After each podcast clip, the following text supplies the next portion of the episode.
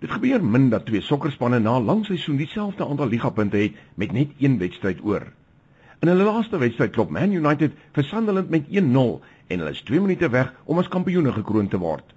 In die ander wedstryd is Man City 2-1 agter teen Queens Park Rangers. Amptelike speeltyd is iets van die verlede en in ekstra tyd maak Man City dit 2 elk, maar hulle kort nog een doel met net sekondes oor. Dit is City se laaste kans. Hulle begin hardloop in hulle eie helfte, vorder tot in Ethiopia aarse gebied. Dan word die bal hier aan die buskant toe gevoer, dis kort aangegee tussen die spelers en nou binne Bolatelli, net buite die doelsirkel in die middel van die veld. Hy gly en val, so die bal aangegee na die oorkant toe na Sergio Aguero. Hy beweeg spasie en dis Aguero wat lostrek. Hy jaag die bal verby die doelwagter en dis 3-2.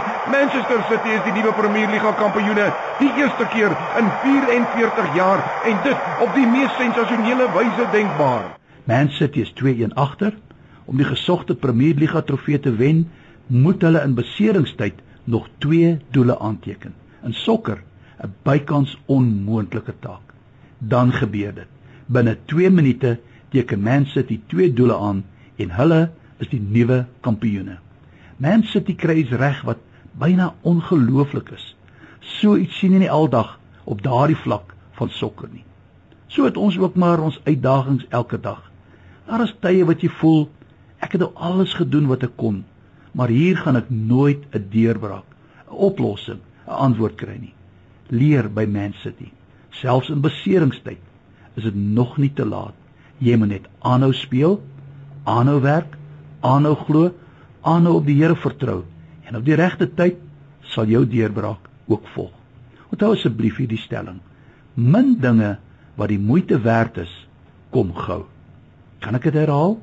Min dinge wat die moeite werd is, kom gou. Die vraag is, waarna streef jy vandag? Wat is jou doelwitte, jou droom?